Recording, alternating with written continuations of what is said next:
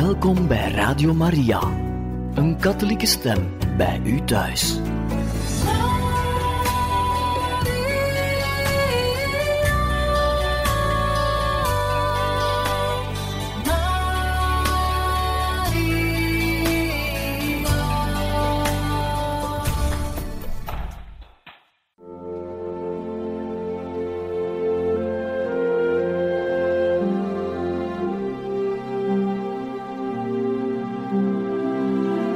Beste luisteraars van Radio Maria, welkom bij het programma Catechismus.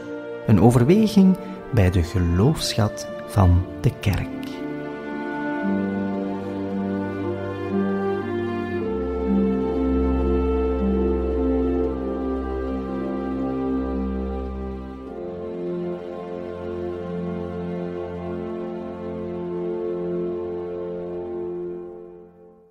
Van harte welkom, beste luisteraars van Radio Maria, bij het programma Catechismus. Vandaag luisteren we naar eerwaarde heer Pierre François in een reeks die zal gaan over de verschillende sacramenten. We luisteren naar deze catechese over de Eucharistie. Het sacramentele offer.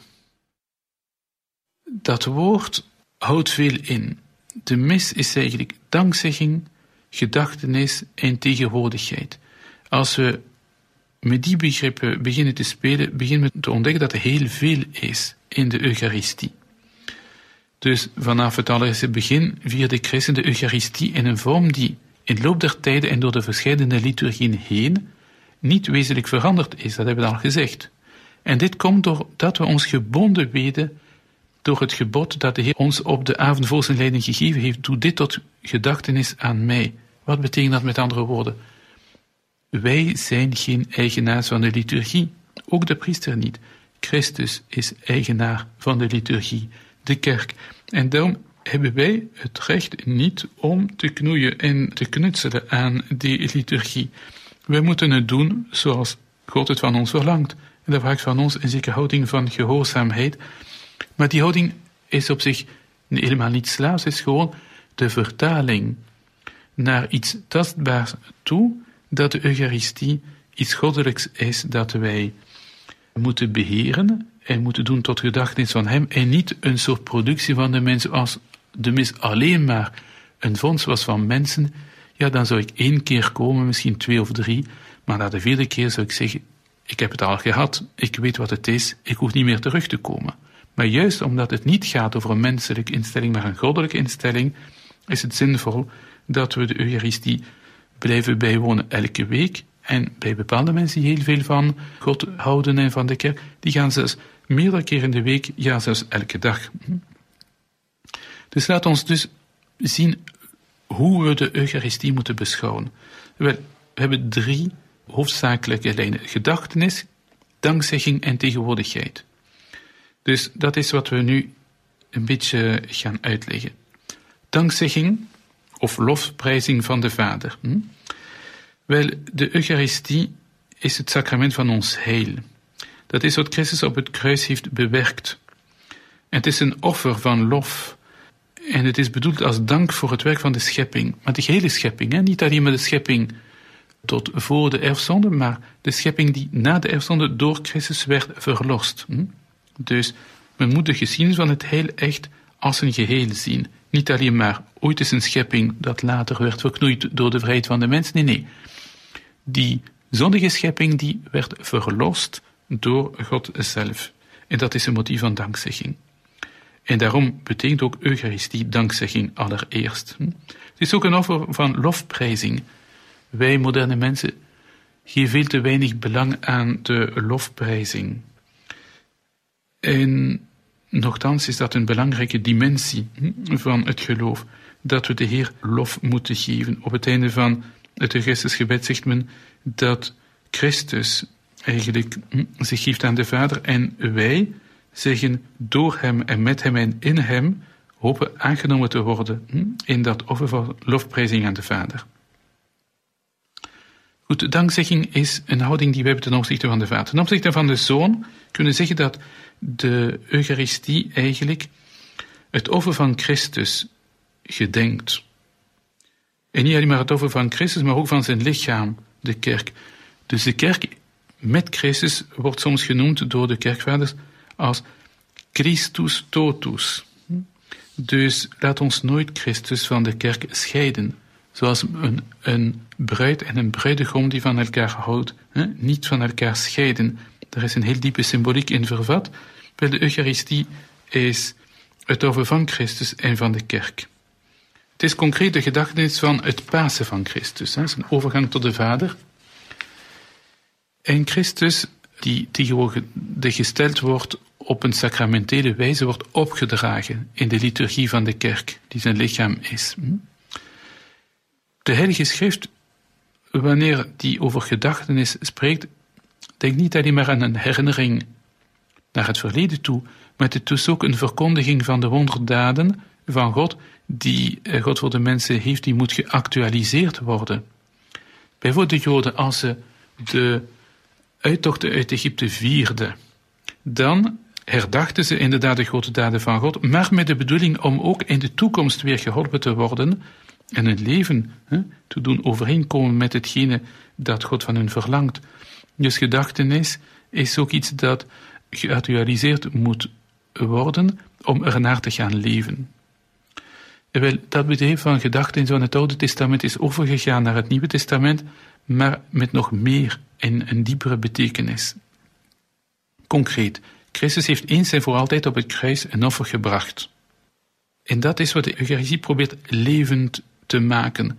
De Eucharistie is niet herdenken, iets dat in een ver verleden is gebeurd, dat is zien dat het offer van Christus vandaag, nu, hier, een levende werkelijkheid is die mij helpt om vergeving van de zonde te krijgen en naar mijn heil te gaan. En daardoor, zegt de catechismus van de katholieke kerk, telkens wanneer wij het kruisoffer, waardoor ons paaslam Christus is geslacht, op het altaar vieren, wordt het werk van onze verlossing voltrokken. En daarom zeggen we dat de gedachtenis van het paasmissie van Christus in de Eucharistie niet alleen maar een gedachtenis is, maar ook een offer. Een actueel en hedendaags levend offer. Dat offerkarakter van de mis werd soms in twijfel gebracht, hè? vooral sinds de 15e, 16e eeuw. Wat niet heel nieuw is, want ondertussen zijn we al hè, vier of vijf eeuwen verder. Wel, dat offerkarakter van de mis kunt je er onmogelijk uithalen, want die steken in de instellingswoorden zelf. Dit is mijn lichaam dat voor u gegeven wordt, en deze beker is het nieuwe verbond in mijn bloed dat voor u wordt vergoten. Zo zegt hè, de evangelist Lucas. Hoe erg je ook zult proberen te knoeien en te knutselen aan de liturgie van de mis, het steekt in, het diepst, in, in de diepste kern. Je kunt het er niet uithalen. Dat offerkarakter van de mis. Dat is een bloed dat vergoten wordt tot vergeving van de zonde. Het is een altijd blijvende verbond en een offer hè, dat nog altijd actueel is. De Eucharistie is dus een offer omdat zij het kruisoffer tegenwoordig stelt, omdat zij er gedachtenis van is en de vruchten van toepast onder de vorm van vergeving van zonde. Maar gaan we dan zeggen, Christus had hij niet een offer opgedragen dat volmaakt was, maar moet dat offer hernieuwd worden? Eigenlijk het woord hernieuwen is een beetje dubbelzinnig. Daarom spreekt de kerk liever van het tegenwoordig stellen van het offer. Dus het offer van Christus is niet echt hernieuwd, maar wordt tegenwoordig gesteld. Hm? Het is dezelfde priester, want dat is Christus. Hm? Het is dezelfde offerande, Christus zelf, maar de wijze van offer is anders. Hm? Het is sacramenteel geofferd in de mis. In, in het begin van de geschiedenis, de eerste keer dat dat gebeurd is aan het kruis, dat dat op een bloedige manier, maar het is hetzelfde over altijd. De Eucharistie is niet meer offer van Christus, het is ook offer van de kerk. Wat wil dat zeggen? Dat het leven van de gelovigen, hun lofprijzing, hun lijden, hun gebed, hun werk, dat moet worden verenigd met het offer van Christus, met zijn totale offerhanden. We moeten allemaal ons kruisje dragen. En de mis helpt ons om al hetgene dat hier wordt opgesomd, hè, lofprijzing, lijden, gebed, werk, om al die dingen te verenigen met het offer van Christus.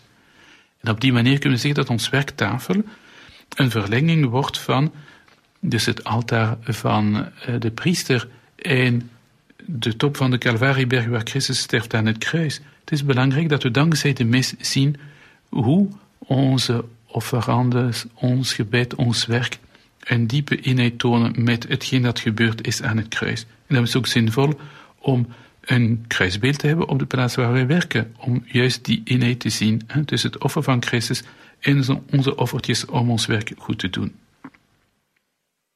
Trouwens, in de catacombe ziet men dikwijls de kerk voorgesteld als een binnende vrouw.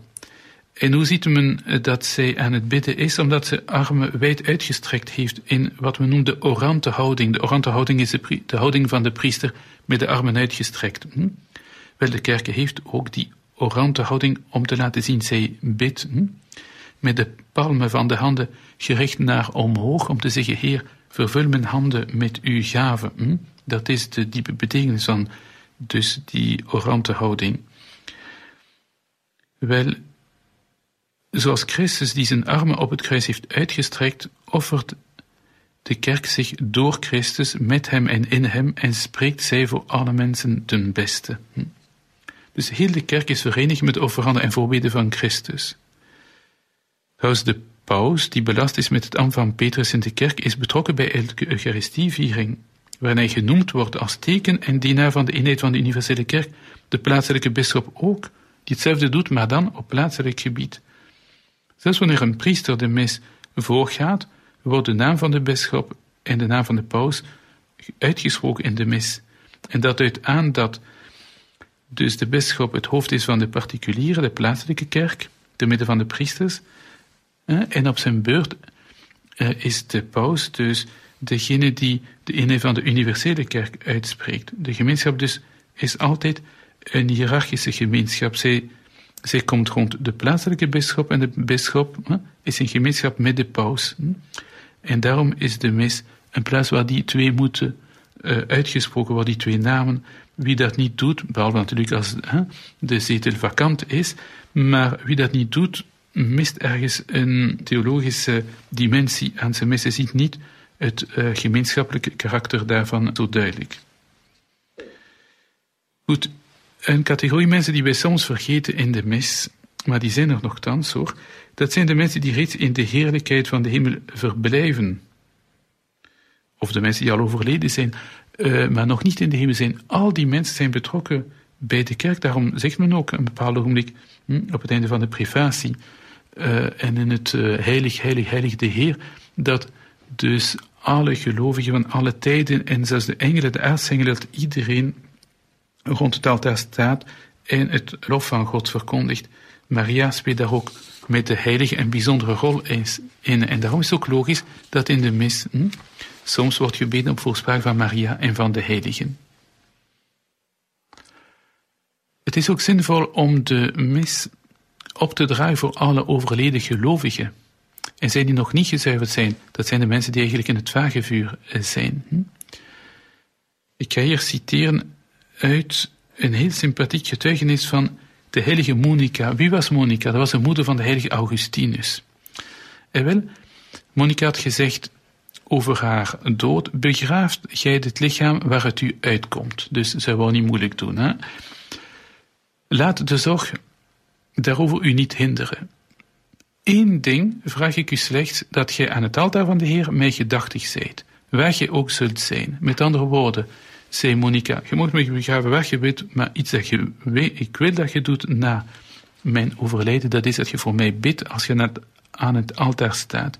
En daardoor gaf ze een heel sympathieke en moederlijke getuigenis, volgens ons verstand, eh, bovendien, dat een specialiteit is van de moeders. En ze geeft daarmee aan hoe de eerste christenen inderdaad het gebed voor de overledene goed probeerden te verzorgen. Een derde aspect van het offer van Christus dat ik nog moest onderstrepen was dat Christus aanwezig is. Wat moeten we verstaan onder aanwezigheid van Christus? Wel, de aanwezigheid van Christus is niet een zwarte-wit iets, uh, dat is iets dat bepaalde gradaties kent. Christus, zo zegt het Concilie Vaticanum II, is op verschillende wijzen bij zijn kerk aanwezig, bijvoorbeeld in zijn woord, in het gebed van de kerk, daar waar twee of drie verenigd zijn in zijn naam, in de armen, in de zieken, in de gevangenen, daar kunnen overal uh, Christus zien, zelfs in de sacramenten, want hij handelt in de sacramenten, maar in het misoffer, daar is hij op een meer verheven en heel bijzondere manier aanwezig onder de Eucharistische gedaante. En dat maakt het heel bijzonder. Dus de wijze waarop Christus onder de Eucharistische gedaante aanwezig is, is uniek. Uniek. Geen enkele godsdienst, geen enkele andere plaats in onze godsdienst is er zo een aanwezigheid zoals die van het Allerheiligste Sacrament. Gehele Christus waarachtig, werkelijk en wezenlijk wordt vertegenwoordigd op die plaats. En dat komt door het feit dat er een verandering is ontstaan van het brood en de wijn in het lichaam en bloed van Christus. Het woord van Christus is doeltreffend. En het is logisch, hij is de zoon van God, hij is de tweede persoon van de drie eenheid. Op het ogenblik dat de schepping heeft plaatsgevonden, heeft God gezegd dat het licht zou zijn en het licht was er. Dus uit het niets heeft God met zijn woord kunnen scheppen. Wel, wij kunnen datzelfde zien gebeuren wanneer de priester dus die woorden zegt, dit is mijn lichaam, dit is mijn bloed, dan zijn er scheppende woorden van Christus eigenlijk uitgesproken. Er is een echte verandering. Dat komt door de doeltreffendheid van het woord van Christus, maar ook van de werkzaamheid van de Heilige Geest. Laat ons eens het woord laten aan de heilige Johannes Chrysostomus. Die zegt, de priester spreekt de woorden uit, maar een genadevolle kracht komt van God. Dit is mijn lichaam, zegt hij. Dit woord transformeert de offergaven. Het is waar dat er een symbolische betekenis is aan de uh, verandering, maar het is ook een realiteit. Het is niet alleen maar symbool, het is ook reëel. Er verandert iets. Je ziet het niet. Dat blijft, de gedaante blijft hetzelfde. En dat hoeft ook niet, dat je iets ziet of voelt, hè, of wat dan ook. Nee, dus er is ergens een objectieve verandering. Wel, concilie heeft dat met veel mm, nadruk moeten zeggen. Dat was het concilie van Trente. De eerste christenen bezaten die realiteit op een heel vredevolle manier. Dus uh, daar werd niet over getwist. Het is pas tegen dus het concilie van Trente, omwille van de hervorming van Luther, dat men heeft moeten zeggen, pas op, hè, eh, dat moet hier echt uh, goed begrepen worden. Ambrosius bijvoorbeeld, een tijdgenoot van Augustinus, we zitten hier in de, in de vierde eeuw ongeveer, die zei, zou het woord van Christus dat het uit niets kon maken wat niet bestond, ook niet bij macht te zijn dat wat bestaat te veranderen in wat het niet was? Dus er is echt een scheppende, een scheppende macht uh, aan de hand, er is een scheppende macht bezig in de Eucharistie. Die verandering wordt door de katholieke kerk genoemd transsubstantiatie. Dat betekent een treffende wezensverandering. Hm? Dus de substantie van het brood is niet meer de substantie van het brood na de consecratie, maar het is de substantie van het lichaam van Christus. Hoe lang duurt die aanwezigheid van uh, Christus? Ze begint op het ogenblik van de consecratie en duurt zolang de eucharistische gedaante blijven bestaan. Hm? Dus als we de hostie nuttigen, of als, ik weet niet, een hostie in het water valt en beetje bij beetje dus oplost, ja, een bepaald ogenblik is dat niet meer, uh, dat is geen brood meer en dan houdt het ook op het lichaam van Christus te zijn. Hoe moeten we dan met de Eucharistie omgaan? Hoe moeten we de Eucharistie vereren als, als we zeggen dat is het lichaam van Christus, dit is het lichaam van, van God, hm, die mens is geworden? Wel, in de meeste liturgie zijn er bepaalde handelingen voorzien om juist ons geloof, die verering uit te drukken. Concreet door te knielen. De kniebuiging, eh, of op onze knieën eh, zitten tijdens de consecratie, drukt uit dat we geloven dat die verandering plaatsvindt en dat we ook respect willen tonen voor God. In bepaalde culturen wordt het knielen vervangen door een diepe buiging. En dat is trouwens ook nuttig voor mensen die door een of andere lichamelijk handicap in onze streken niet kunnen knielen. Oudere mensen of iemand die uh, een ongeval heeft gehad, die uh, voorlopig uh, met een gipsverband rondloopt, die maakt een diepe buiging in plaats van een kniebuiging. Maar het is belangrijk dat wij dat leren aan de christenen, want anders zouden we een soort vaag geloof hebben dat blijft bij theorieën en vage ideeën en zouden eigenlijk een punt missen om dat ook met ons lichaam uit te drukken. We zijn per slot van rekening in een cultuur van het beeld, dus het is belangrijk ook dat wij op een zichtbare manier ons, ons geloof uitdrukken. Dan moeten we ook weten, aangezien de sacramentele aanwezigheid blijft na de mis, dat we voor het tabernakel waar bepaalde hosties worden bewaard ook een kniebuiging moeten doen en diezelfde houding van aanbidding kunnen hebben. Trouwens, dat is iets dat gegroeid is in de loop van de eeuwen. De heilige reserve, hm, of het tabernakel, was eerst bedoeld om op waardige wijze de Eucharistie te bewaren, opdat zij buiten de mis gebracht zou kunnen worden naar de zieke en de afwezigen. Maar, en dit is interessant om dat te onderstrepen, door de verdieping van het geloof in de werkelijke tegenwoordigheid van Christus, heeft de kerk de zin ontdekt van de stilzwijgende aanbidding van de Heer, aanwezig onder de Eucharistische gedaante. En daar moet het tabernakel een bijzonder waardige plaats krijgen in het kerkgebouw of in de, in de kapel. Dus zo'n kastje aan de muur met weinig eh, decoratie er rond zou niet passen voor hetgene dat bewaard wordt in het tabernakel. En dat moeten we misschien herontdekken in bepaalde eh, moderne bidruimtes, dat het tabernakel echt met de passende waardigheid moet omringd worden, om juist te zien waarover het gaat, anders gaan de mensen dat niet waarderen op, op zijn juiste waarde. Daarom is het ook goed dat wij niet zuinig zouden zijn met onze tijd, want onze kerk heeft, en hier citeer ik woorden van de zalige Johannes Paulus II, uit zijn brief Dominici Cene, wel, daar zegt hij, de kerk en de wereld hebben de verering van de Eucharistie hard nodig. Jezus wacht op ons in dit sacrament van de liefde. Laten we niet zuinig zijn met onze tijd als het erom gaat bij Hem samen te komen in aanbidding. Daar zijn enkele devoties uit ontstaan. Het bezoek bijvoorbeeld bij het Heilig Sacrament. Dat we eventjes in de loop van de dag de tijd maken om tot aan een plaats te gaan waar in het tabernakel Jezus wordt bewaard. Al is maar een bezoekje van twee, drie minuten. Dat is zinvol. Of een andere gewoonte proberen als wij onze meditatie doen, ons gebed. We kunnen dat even goed bij ons thuis doen, maar we kunnen ook in een kerk gaan bij de aanwezigheid van het Heilig Sacrament, om op die manier ook die dimensie van aanbidding te kunnen toevoegen aan ons gebed en ook om die aanwezigheid sterker in ons te laten inwerken.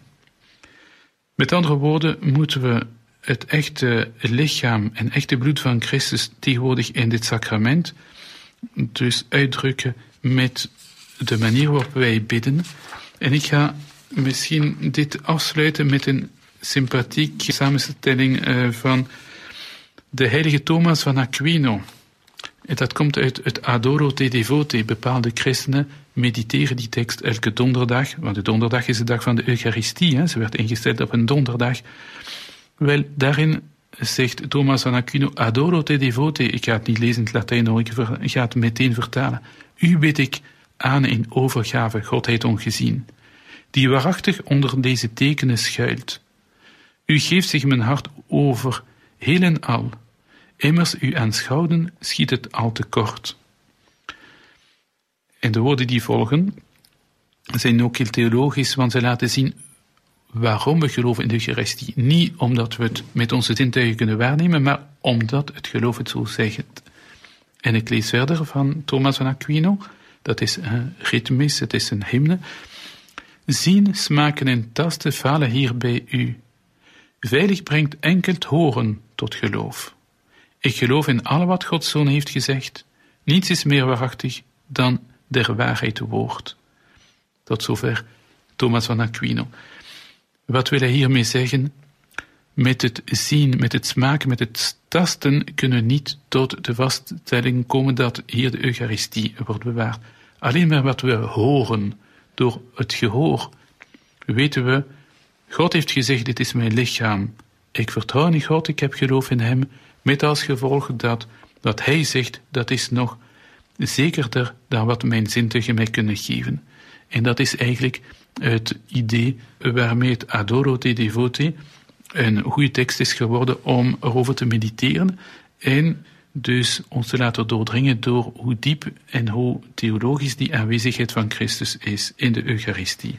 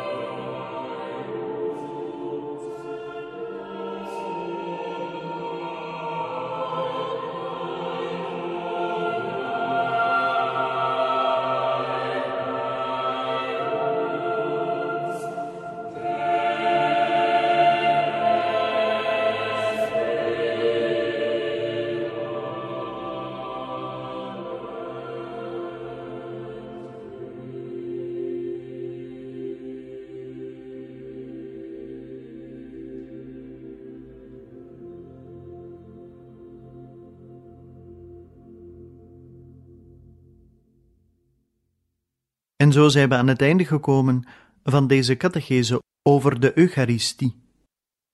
Een volgende keer staan wij opnieuw bij een catechetisch thema stil. We hopen dan ook dat u er ook opnieuw wens bij te zijn. Van harte dank en nog een zeer fijne dag gewenst.